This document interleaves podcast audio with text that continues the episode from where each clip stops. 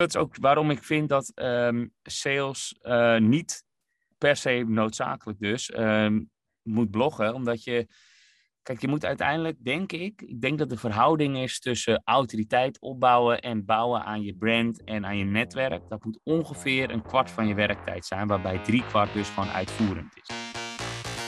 Sales, groei, leads, deals, closen, allemaal termen waar jij van wordt. Goed dat jij weer luistert naar een nieuwe aflevering van de Smiley met dollartekens podcast. Ja, eerlijk, echt een waardeloze naam, maar geweldige inhoud.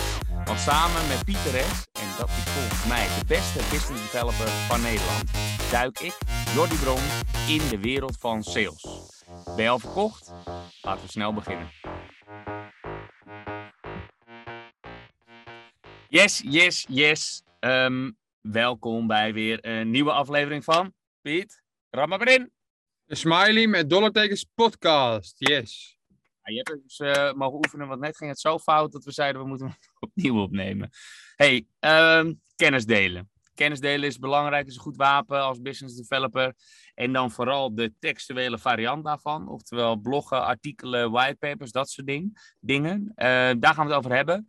Uh, en dan uh, vooral focussen we even op bloggen, artikelen schrijven. Dus wanneer wel en wanneer niet. Um, jij hebt daar ervaring mee. Jij bent een uh, ervaren blogger inmiddels. Nou, zoveel schrijf je ook weer niet, maar vanuit salesperspectief is dat denk ik bovengemiddeld. dus ik ben benieuwd naar jouw resultaten. Wat zijn jouw conclusies? Wanneer heeft het zin inderdaad volgens jou? Daar mag je straks over gaan vertellen. Um, maar laten we beginnen met de stelling, want die geeft waarschijnlijk ook al gelijk een beetje aan wat jouw conclusie is. Stelling, dubbele punt, komt die Piet. Voor iedere business developer is het verstandig om minstens één keer per maand een blog te schrijven.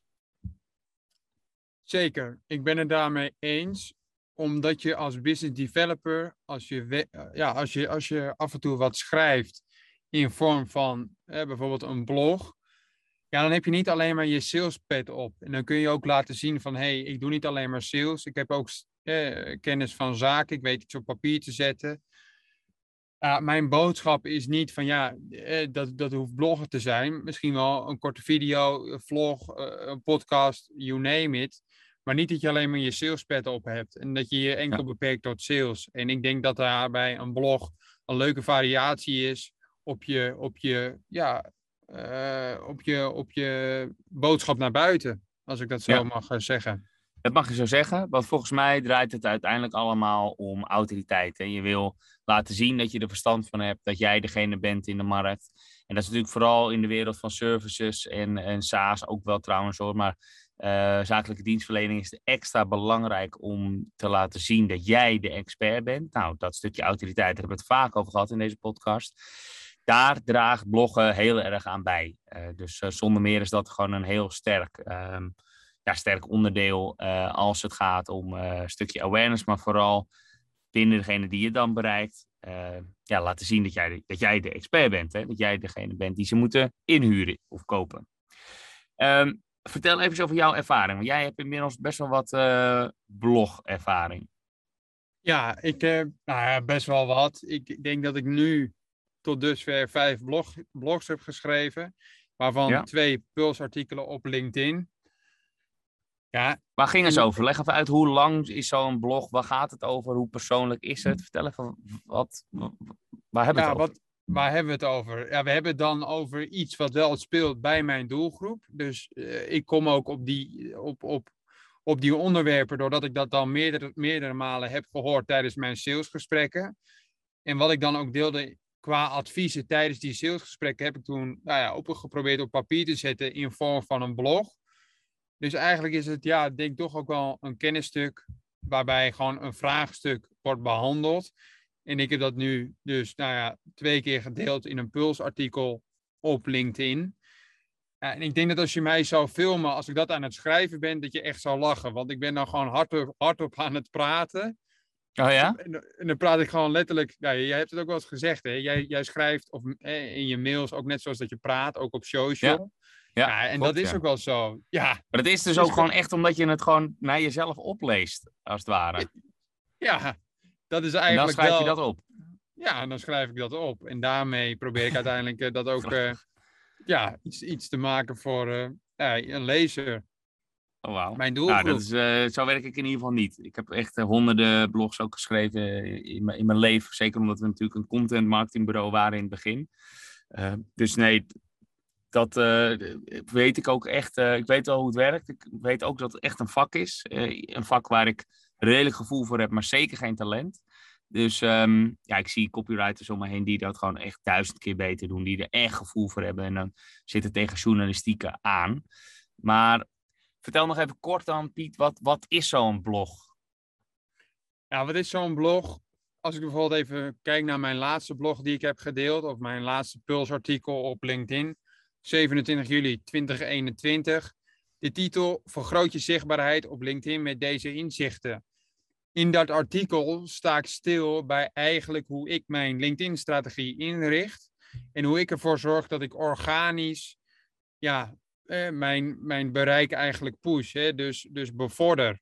Nou ja, en als iemand dat aan mij zou vragen, Pieter, hoe, hoe vergroot jij je zichtbaarheid op LinkedIn met, met bepaalde inzichten of hoe doe jij dat? Nou ja, zo heb ik eigenlijk dat, ook, ook dat artikel geschreven. En ja, hoe lang is vaak zo'n zo'n artikel als ik die dan schrijf? nou, laat ik zeggen, één A4'tje. En ik probeer daar wel met visuals ook te werken. Dus ook met afbeeldingen. Om het ook even wat duidelijker te maken met hetgeen wat ik dan ook toelicht. Maar hoeveel, hoeveel woorden is dat? Een A4'tje, ja, dat heb ik niks, uh, dat zie ik niet ja. me. Tenminste, ik weet wat een A4'tje is, maar dat niet op LinkedIn. Ja, hoeveel woorden? Nu vraag je me ook wel wat hoor. Ja, moet ik even gaan tellen? Nee, maar doet hij dat niet automatisch dan? Hoeveel woorden je gebruikt? Nee, dat doet hij niet automatisch. Maar we kunnen daar wel even snel in schakelen. Dan pak ik gewoon even Word erbij en dan pakken we hem ondertussen gewoon gelijk weer even door. is goed. Kan ik ondertussen hem eventjes eh, volpraten terwijl jij aan het tellen bent? Kijk, er zijn een aantal um, manieren of kanalen eigenlijk om je blog, je artikel dus, hè, want daar hebben we het over, maar dan met een persoonlijke noot, om dat te gaan delen. Dat kan, ik noem even een aantal vormen. Dat kan gewoon in een LinkedIn post. Uh, en dan kan, hij niet, dan kan hij niet te lang zijn. Hè? Dan moet je misschien max 300 woorden hebben of zo. Nou, iets, iets meer, denk ik. Nou, in ieder geval niet te lang. Je kan een langere variant daarvan echt in een artikel plaatsen. Dus dat is op LinkedIn Pulse. Dat is uh, waar Piet het net over had. Je hebt ook de mogelijkheid natuurlijk om gewoon een blog op je eigen website te plaatsen. Wat je ook nog kan doen, is een gastblog aanleveren. Bijvoorbeeld op e-mails of op nou, noem nog eens een, Frankwatching. Uh, om daar dus uiteindelijk je, uh, ja, je, je gastblog dus je artikel aan te leveren, zodat zij het kunnen plaatsen. Nou, wat heb jij er dan aan? Een stukje naamsbekendheid natuurlijk, maar ook vaak linkbuilding. Het is dus vaak nog te doen om dat backlinkje in het artikel, het liefst met de volle backlink, wordt een beetje technisch, maar komt erop neer dat je dus een linkje plaatst in je artikel. Hopelijk nemen ze dat zo één op één over en linken ze dus naar jou. Ja, en dat is dan wel nuttig om uiteindelijk uh, dus die naamsbekendheid, maar dus ook die SEO-waarde te doen. Dus dat is een gastblog. En er is nog één variatie. Um, nou, wel twee eigenlijk. Ja, schieten we nog twee te binnen. Eén is op een ander platform, bijvoorbeeld op Medium. Uh, medium, medium.com. Uh, en daar kun je ook gewoon je blogs schrijven. Dan hoef je niks zelf te hosten, dus anders dan je eigen website. Um, en dan als laatste die ik kan bedenken is op je eigen website. En dan bedoel ik niet mee op je bedrijfswebsite, maar op in mijn geval jordybron.nl of Piet, in jouw geval pieteres.nl. Waar je dus gewoon je persoonlijke brand eigenlijk uh, dus kan neerzetten. En dat doe je dus vooral als het echt om jou gaat, als je personal coach bent of uh, een speaker bent, dan heeft dat wel zin. En dan uh, is het dus handig om ook je eigen website over jou te lanceren en daarop te gaan bloggen. Om dus je, ja, je personality te gaan uh, voeden. Zo, ja, ik heb ondertussen die... volgens mij twee minuten gevuld. Uh, ben je inmiddels uitgeteld? Ja, 884 geworden. Ja, 800, nou, dat is toch best wel wat hoor. Dat is best wel een lang artikel inderdaad. Dat, dan moet je een klein lettertype gebruiken, wil je dat op één of iets kunnen plakken. Ja. Dat is wel fors. Ja, dat is ja. fors. Dat is fors, dat is fors. Ja, nou, goed gedaan. Lekker uh, opgesomd en dan uh, lekker uitgeschreven, dus natuurlijk ook nog uh, voor jezelf. Ik blijf me erover verbazen. Ik zie jou dan ook echt in je woonkamer zitten en gewoon hardop tegen jezelf vertellen. Spiegeltje en gewoon lekker opschrijven. Ik zie trouwens een foutmelding. Het zijn er 763. Nou, scheelt er toch weer 100, 120 woorden. Oh, maar dat past makkelijk op een A4'tje, Piet. Ah, dat was makkelijk. Ja, nee, maar dat is wel fors. Dat is inderdaad fors. Ehm, ja, er is nog een variatie mogelijk natuurlijk. Ehm, en dat is ehm, vloggen. We zouden het eigenlijk hebben over bloggen. Nou, dit is dan de videovariant daarvan. Maar waarom ik het toch bij het bloggen wil benoemen, is omdat het handig is om je blog ook samen te vatten in een video. En dat kan bijvoorbeeld met een tooltje als Lumen 5. Dat is Lumen 5, gewoon cijfer 5. .com, denk ik. Nou, Google Lumen 5. Dat is een tooltje waarmee je heel makkelijk je blog kan omzetten in een video. Da, dat heeft eigenlijk als grote uh, voordeel dat video weer goed geïndexeerd wordt. En dat video dus ook op YouTube uh, uh, gewoon goed gevonden kan worden, uiteraard. dat je dus een extra kanaal erbij pakt. Dat je ook op je socials dat kan gebruiken ter promotie. Dus de highlights, de kopjes vaak, die zet je in zo'n Lumen 5 videootje met stokfoto's, of liefst eigen foto's, maar gewoon foto's eronder. Dat, dan wordt het een lopend verhaal, waarbij de conclusie dus in video geplaatst wordt.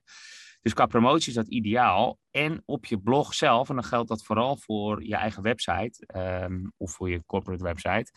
Maar is het handig om in je blog dus zo'n videootje te tonen, zodat mensen uh, er ook stoppen, naar het videootje kijken en dus langer op je pagina zit. Wat een goede indicator is voor Google, voor Chrome eigenlijk en dus Google, om uiteindelijk dus je SEO-waarde te geven. Nou, het gaat meer over marketing dan over sales, merk ik. Maar komt er wel op neer, dus hè, samengevat. Zo lang mogelijk goede content houdt mensen lang vast. Een videootje draagt daar enorm aan bij. Dus als het bij je past en je het leuk vindt, dan kan je natuurlijk ook nog een videootje uit de hand maken. Hè, dus telefoon. En dat zou al voldoende moeten zijn. En anders wil je niet zelf op camera, vind je het chiller om gewoon uh, dat even uit te denken. Kijk dan eens naar Lume 5, want die maakt dus automatisch van je kopjes in je blog, maakt hij dus zo'n promo-videootje. Maar om dan ook even, ook even praktisch te maken voor mezelf, dan had ik dus eigenlijk aan mijn Pulse-artikel op LinkedIn nog een artikel, uh, uh, misschien een videootje kunnen toevoegen.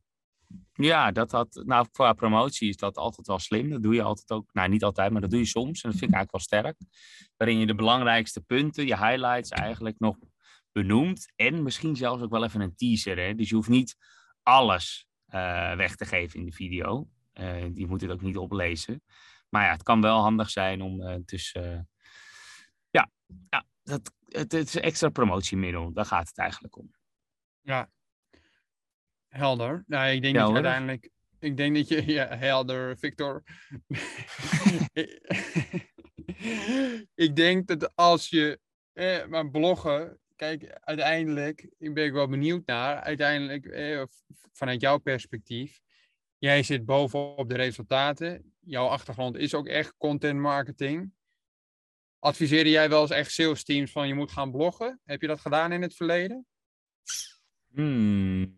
Oeh, een goede vraag, Piet. Dit is een leuke vraag. Nee, ik denk het niet eerlijk gezegd. Wel vanuit de CEO-founder heel vaak.